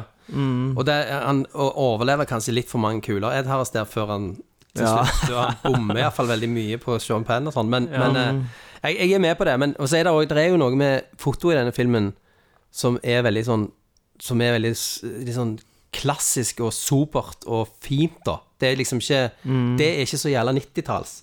Og han, han som har foto på den filmen, Jordan Cronenbeth, som han heter, var jo ganske Han var ganske Altså, han var ikke gammel, men han begynte å dra på året. Han var Han var ganske syk eh, til og med når han gjorde den filmen. Mm. Ikke at det har noe med saken å gjøre, men han er liksom Han hører til en annen generasjon enn han regissøren, som jo var liksom Han var jo en kid, på en Mm. måte, mer eller mindre, når han gjorde den filmen. Han Var ikke gammel.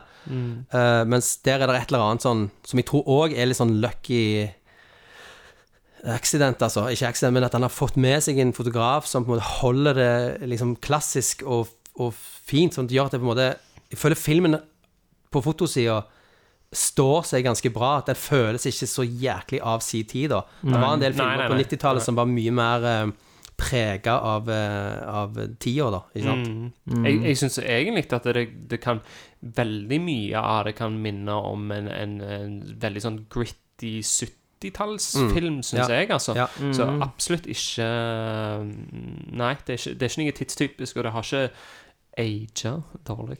Nei. Mm. Det er for øvrig faren til fotografen av uh, Fight Club.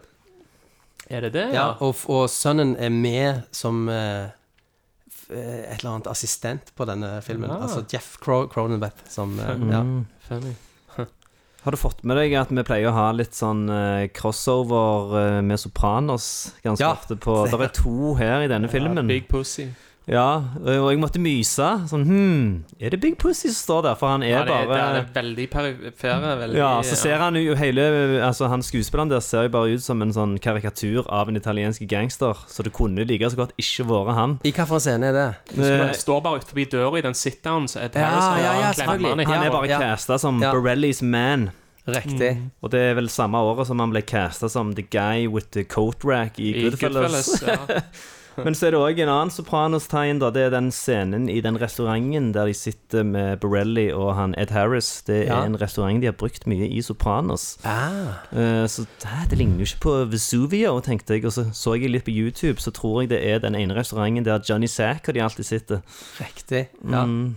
Men det føles òg som han der Vitterelli er med i Sopranos, men han er jo ikke det. Ja, ja, han, er, han er mye mer troverdig her enn det han For jeg forbinder han med sånn Er ikke han med i Analyze This? Jo, Jo, der er han det sånn, han er. der er han Ja. sånn klovnegangster. Ja, ja, sånn, ja, eh, og her var han litt mer sånn troverdig, da. Jo, jo, men han er jo allikevel Han er allikevel en sånn han, han er på mange måter Liksom hvis du søker på Ja. italiensk gangster, så Så er kommer det liksom han opp. kommer. Liksom? Ja, ja, Det- ja. Men, ja. Ja, det er litt sånn Eh, John Torturo eh, gjør en ganske decent rolle i den her òg. sånn skikkelig rødhål purk. Jeg liker den, eh, den scenen når han liksom eh, Når Sean Penn liksom bare holder på å miste grepet helt og sånn, og så er han bare så Det er jo faktisk eh, det, men det, er jo, det er jo New York, og det er akkurat den tida, men det er akkurat Ja. samme toget som i King of New York, eh, når han uh, står med hun dama på Ah, slutten. Ja. Du ser det. det, Ja, ja. De har ikke det helt likt interiør, Ja, liksom. ja, ja, ja. Men når han liksom snakker Sånn han snakker til Sean Penn òg, da. Liksom Fuck følelsene dine, du høres ut som bestemor mi, Ja. din jævla grinebaby. Det er sånn. ja, ja. Oh, shit. Ja, og der har du igjen det som jeg påstår er liksom det underliggende temaet i denne filmen. At det handler om liksom folk som er følelsesstyrt og ikke Han er jo ikke det. Ja, ja, Han er jo liksom kald Iskald, og ja. bare eh, bruk hodet og sånn. Men det klar, altså Sean Penn klarer jo ikke det. Han bryter jo helt sammen, på en måte. Uh, ja. men Det, det kan jeg ordentlig relatere til. Men eh, eh, dette, er, dette er noe øvde noe helt annet, holdt jeg på å si. da Men um, du skal lage Mongoland 2? Eller Hvis, eh, hvis lykken står meg bi, og jeg klarer å, å få folk til å være med på det pengemessig, så skal jeg gjøre det, ja. Ja. Hva er, hva er liksom eh, hvor, hvor ligger det nå, da? Jeg har hørt at det, iallfall hun eh, som hadde festen i nummer én, Mm. er nå død. Mm. Og at det skal være begravelsen hennes som bringer disse eh, sammen igjen. Er det Ja, det, det er på en måte Det, det ene Det er liksom Jeg har egentlig Når jeg lagde filmen Mongoland, så var det sånn Den ble jo merkelig nok Eller den ble jo liksom en stor suksess Mm. eh, på kino. Uh, litt sånn overraskende på ikke minst meg og sånn. Og da var det en periode rett etterpå at vi liksom kødda med å lage liksom Mongoland 2, type Mongoland drar til Syden, eh, Mongoland går amok og Mongoland til fjells og ikke sant. Ja, ja, ja. Men det var liksom bare på tullestadiet, og jeg har egentlig aldri liksom hatt lyst til å lage en, en til av den. Men så har jeg i mange, mange år hatt lyst til å lage en film i den eh, undersjangeren som eh, kalles gjenforeningsfilm. Ja, ja. Um, jeg har, liksom, det er noe som jeg, så jeg har jobbet med det ganske mye. Og så var det en kompis av meg som sa for et par år siden at det, du vet at det er Mongoland 2 du holder på med? Og jeg sa nei, det er jo ikke det. Og så sa han jo, og så sa jeg nei. Og så spoler vi fram et par måneder, Ja. og så sier jeg ok, da, det er vel det, da. Ja.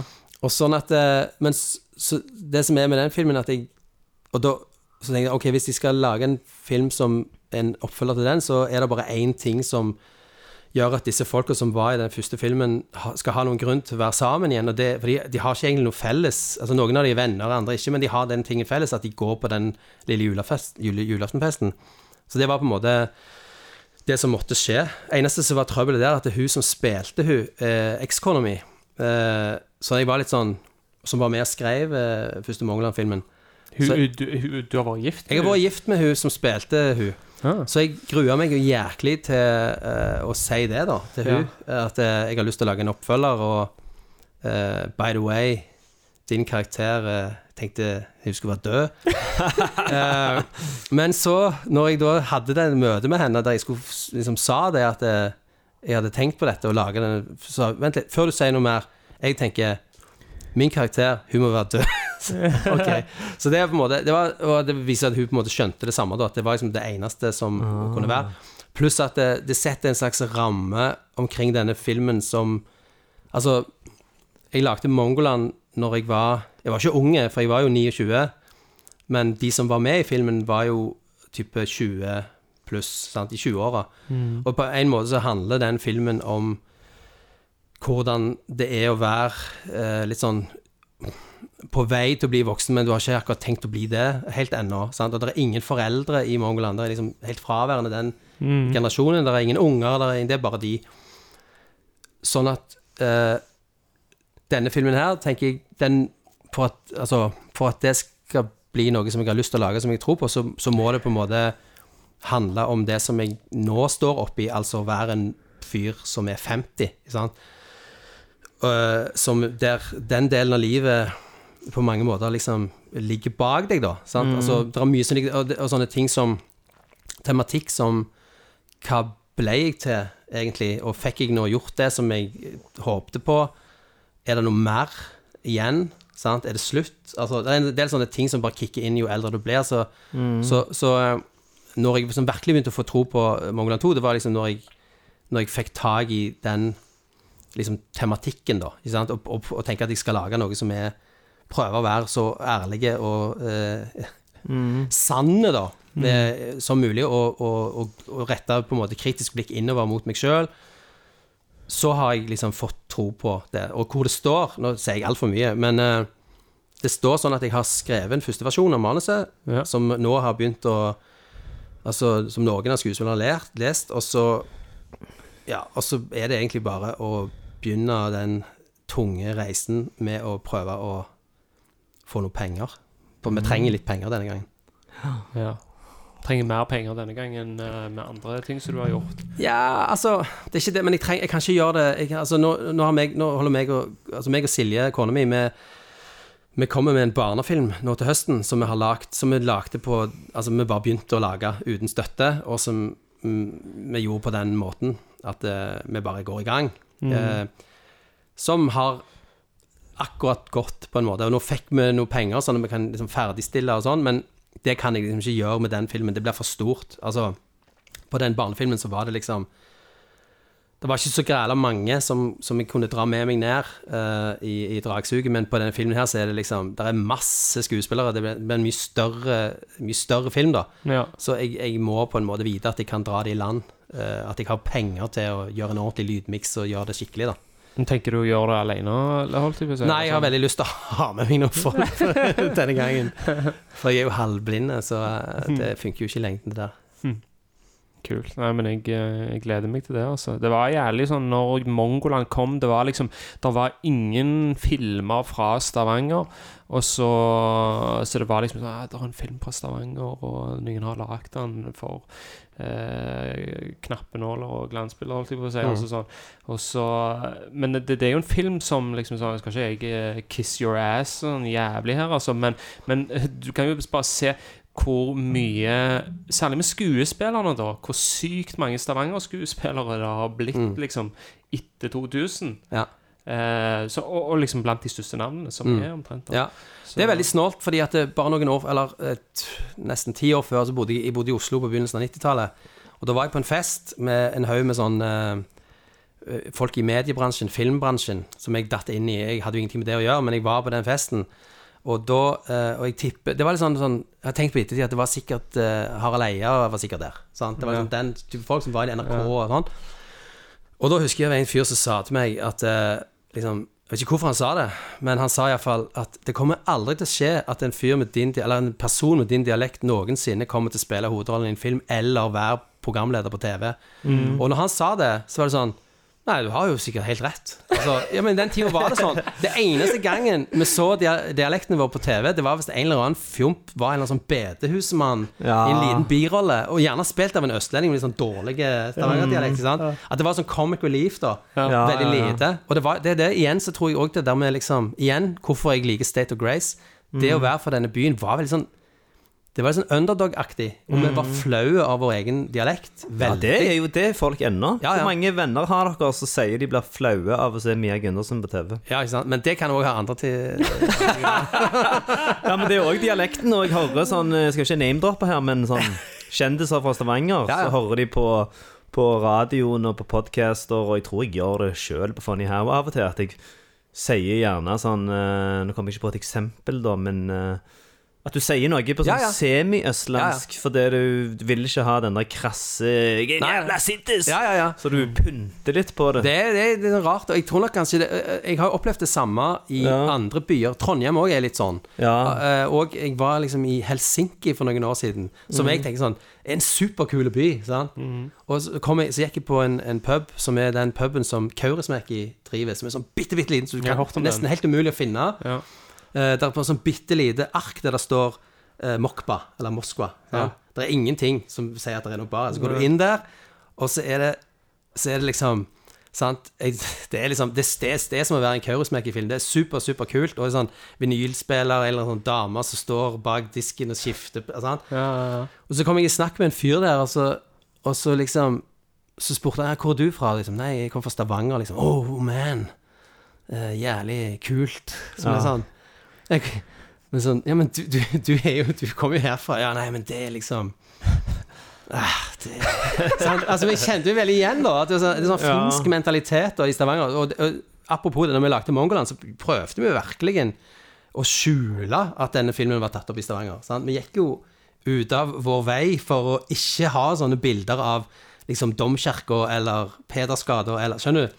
At det var liksom sånn Det var et poeng for oss å, å liksom distansere oss fra det, da. Som òg føles ve veldig rart nå, men, eh, men den der skammen, da. Uh, som kanskje er en sånn der Det er jo litt sånn Stavanger-folk er jo litt sånn at de Når du først på en måte kommer liksom inn døra og kommer inn til dem, så er de jævla på en måte sjølsikre.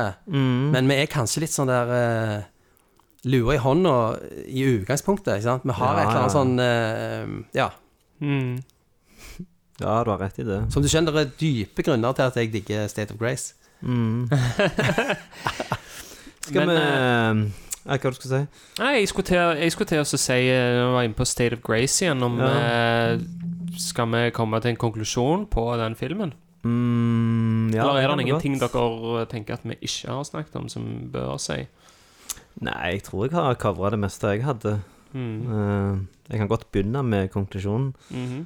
uh, jeg syns dette viser seg å være ei skjult perle av en film med dritkule skuespillere, så jeg er jævlig fan av. Så jeg ble litt sånn overraska av meg sjøl at uh, gjerne sånn jeg har sett på film opp gjennom åra, at jeg oppdager fete skuespillere, men så ser jeg bare det de kommer ut med etter jeg oppdaget de, og aldri går liksom bakover, da. For, denne filmen får meg til å lure på hvor mange fete Ed Harris og Sean Penn, eh, gamle filmer, er der egentlig som jeg ikke har sett? Du nevnte et par helt i begynnelsen, så jeg skal sjekke ut. Eh, Ja, en, jeg, kom på en annen film som jeg, Ja. som jeg vet at andre folk har eh, Før konklusjonen din har gnålt om. ja. Det er jo uh, At Close Range. ja, jeg tror du nevnte Sean den. Penn For det er en Sean Penn-film som jeg hadde sett. Sean Det er Penn- den med Christopher Walken. Christopher Walken og Sean Penn. Ja, den så jeg på IMDb nå. Jeg er litt usikker på om den filmen har holdt seg, om han er Ja. bra, men jeg husker den som en veldig, veldig bra film. For det er jo crime òg, det. Det er crime, crime, er og det er, sånn, det er sånn slektsting og eh, Det er sykt lenge siden jeg så den, men, men jeg, jeg tror at uh, det er noe der, altså. Det er mulig at det kanskje er en bra film. Eh, ja, så jeg uh, nevnte jo tidligere at eh, jeg følte Når jeg så filmen, så følte jeg liksom jeg hadde sett den mange ganger før, og det sier bare litt om hvordan denne har liksom satt en standard for den undercover-sjangeren, da. Eh, så jeg digget filmen, jeg, altså. Jeg tror jeg eh, lander på at han er made, for vi trenger mer irske gangstere på made-lista vår. Mm. Nå har vi nok av italienere, koreanere Altså, vi trenger noe Aldri kom og si at Funny How ikke støtter mangfold. Arild, har du lyst til Altså, jeg er jo Jeg er, har nesten på å grine nå at han sier at denne filmen er made, og det er jo barnslig. Eh, men det er, det er sånn for meg med denne filmen at At jeg har, jeg har faen ikke lagd denne filmen. Men, men det er nesten som om at eh, jeg har et sånt forhold til den at jeg, at jeg, at jeg ehm, hadde blitt Jeg hadde ikke blitt sur, men jeg hadde blitt lei meg hvis han ikke hadde likt han. Det kan jeg jeg, jeg, det, jeg jeg vet akkurat hva du snakker om når du sier Ja, men det er altså. den der altså. greia Ja. når sant? Før i tida sant? Du har en eller annen film som du liker, så skal du vise den til en kompis. Ja, det er jævla høye stakes. Sant? Hvis ikke han liker den Sitter og filmen skuer bort på de Ja, ja, ja. liksom. Første gang jeg så Big Lebowski med kjæresten min Jeg sitter faen med The Dude permanent Ja, ja, ja. tatovert på armen min. Og så hiver vi på filmen, og så, så ler hun ikke. Så bare sitter jeg og ser, og så plutselig ser jeg på The Dude med sånn helt nye øyne. Og jeg bare tenker Hvem faen er han? Slasken der, og hvorfor faen har jeg han på armen? Og... Men så tror jeg liksom at det, akkurat den da er sånn som å vokse på deg. Ja, ja, jeg kjenner ikke en kjeft som har sett den første gang og bare Dritkult! Det er mer sånn at uh, ubevisst begynner de å sitere han litt mer og mer. Og, men og, du skal få fortsette med konklusjonen din, for vi har nok av Ja, ja, men jeg skal, nei, jeg, skal, jeg skal kjøre det opp enda mer digresjonsmessig og Ja. snakke om det igjen, fordi Og det har med Ed Harris å gjøre. Som Ja. sagt, jeg så de har buss på Colosseum i eh, 1990 eller 1989, når han kom. Og med hun som jeg var kjæreste med, da, og to venner av henne. Ja. Og jeg, jeg var helt lost i den filmen. Sant? Og jeg identifiserte meg så hardt med Ed Harris og levde meg så ordentlig inn i den eh, kjærlighetshistorien mellom hun og altså, hun som han holder på å skille seg fra, og det greiene der. Eh, det var sånn enormt sånn personlig Jeg digget den filmen. Så går vi liksom ut på gata, og så sier de tre andre så er det sånn, eh, ja, sånn Typisk amerikansk drit. Jævla overdrevet. Og da sa jeg ingenting, men jeg kjente liksom at Du Jeg ble litt såra. Ja, men dette og så, For å si det sånn, det ble slutt.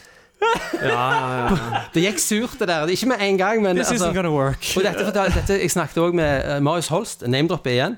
Ja. Han fortalte det, han hadde det med heat. Han var så heat med hun som han var sammen med eh, den gangen. Ja. Hun likte ikke den filmen, og da Ja. skjønte han jeg kan ikke være sammen med hun Nei. Nei, og det, nei, Men noen ganger er det sånn Det hadde ikke vært sånn her nå, men det er, liksom, det er noe med at det, Og det syns jeg jo det er en av de tingene som er kult med film, og kult med å høre dere snakke om film, det er jo at det, når en har et engasjert forhold til det, at det, liksom, det betyr noe. Sant? Det er jo folk som Det fins jo folk som bare er sånn Jeg bare satt på en film.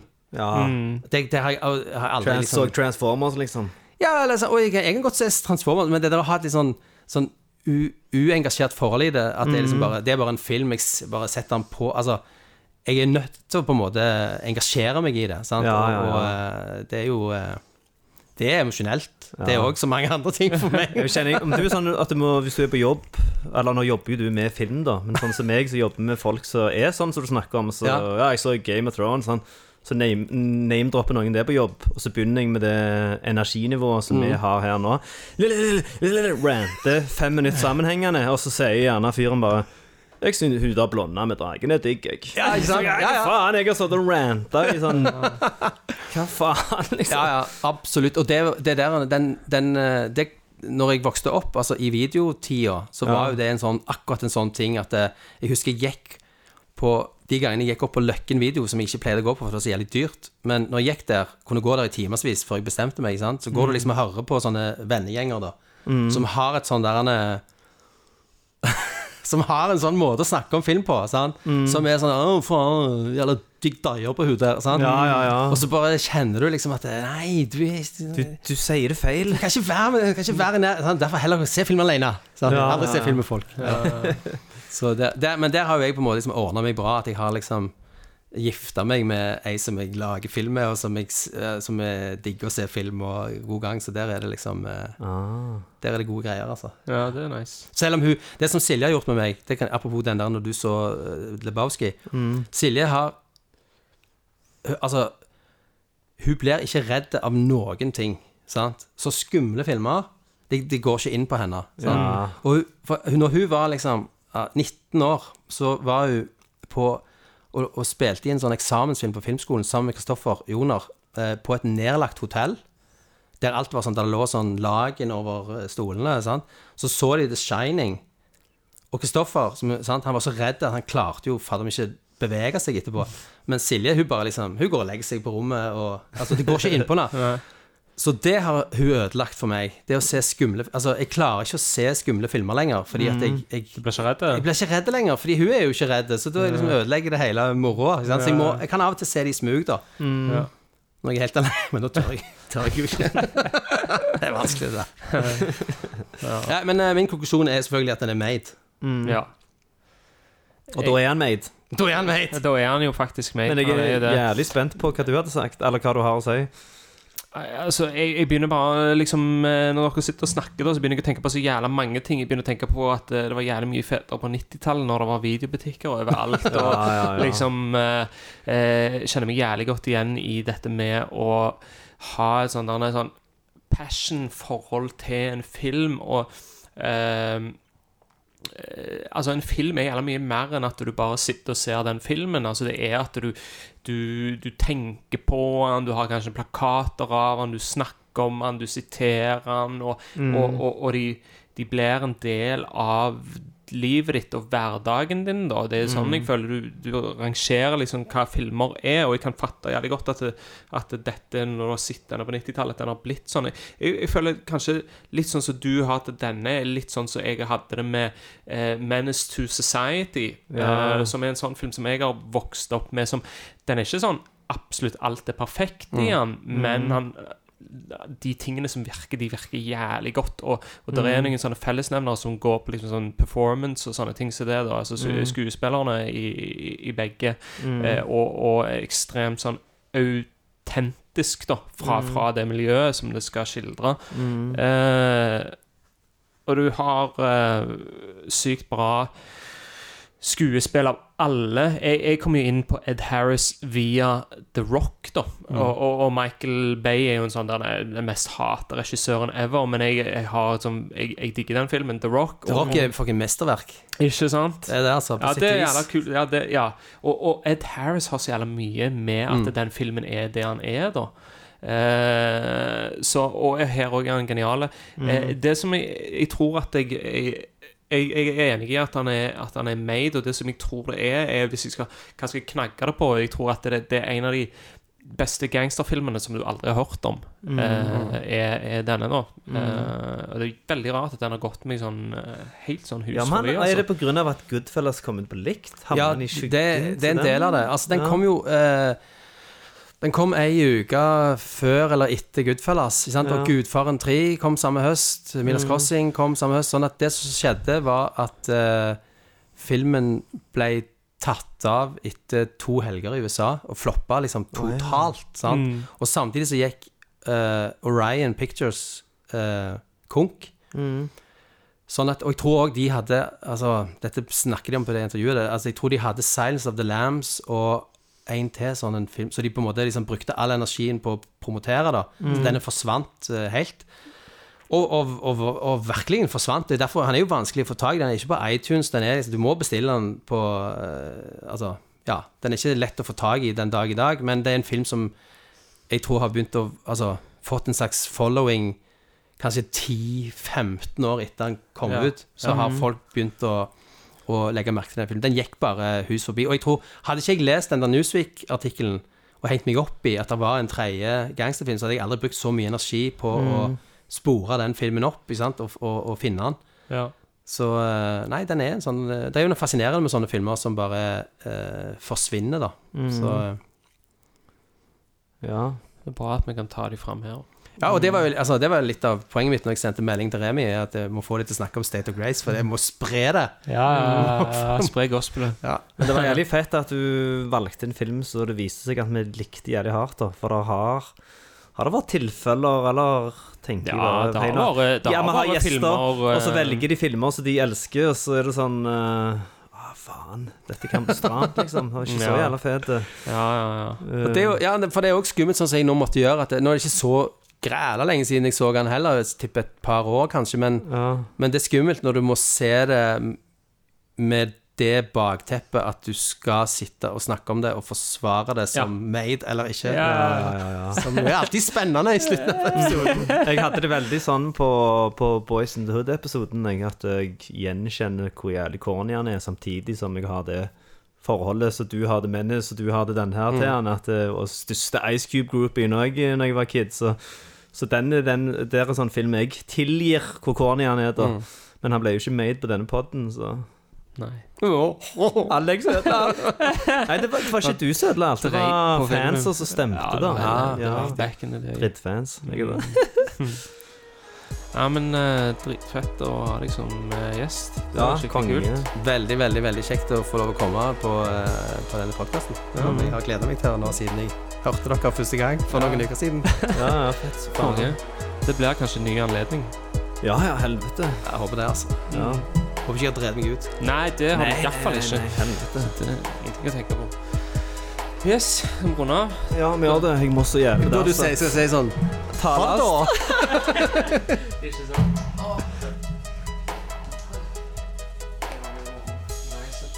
Det er typisk at det er bare sånn ting på mikrofonen. Ja, sant. Ugh.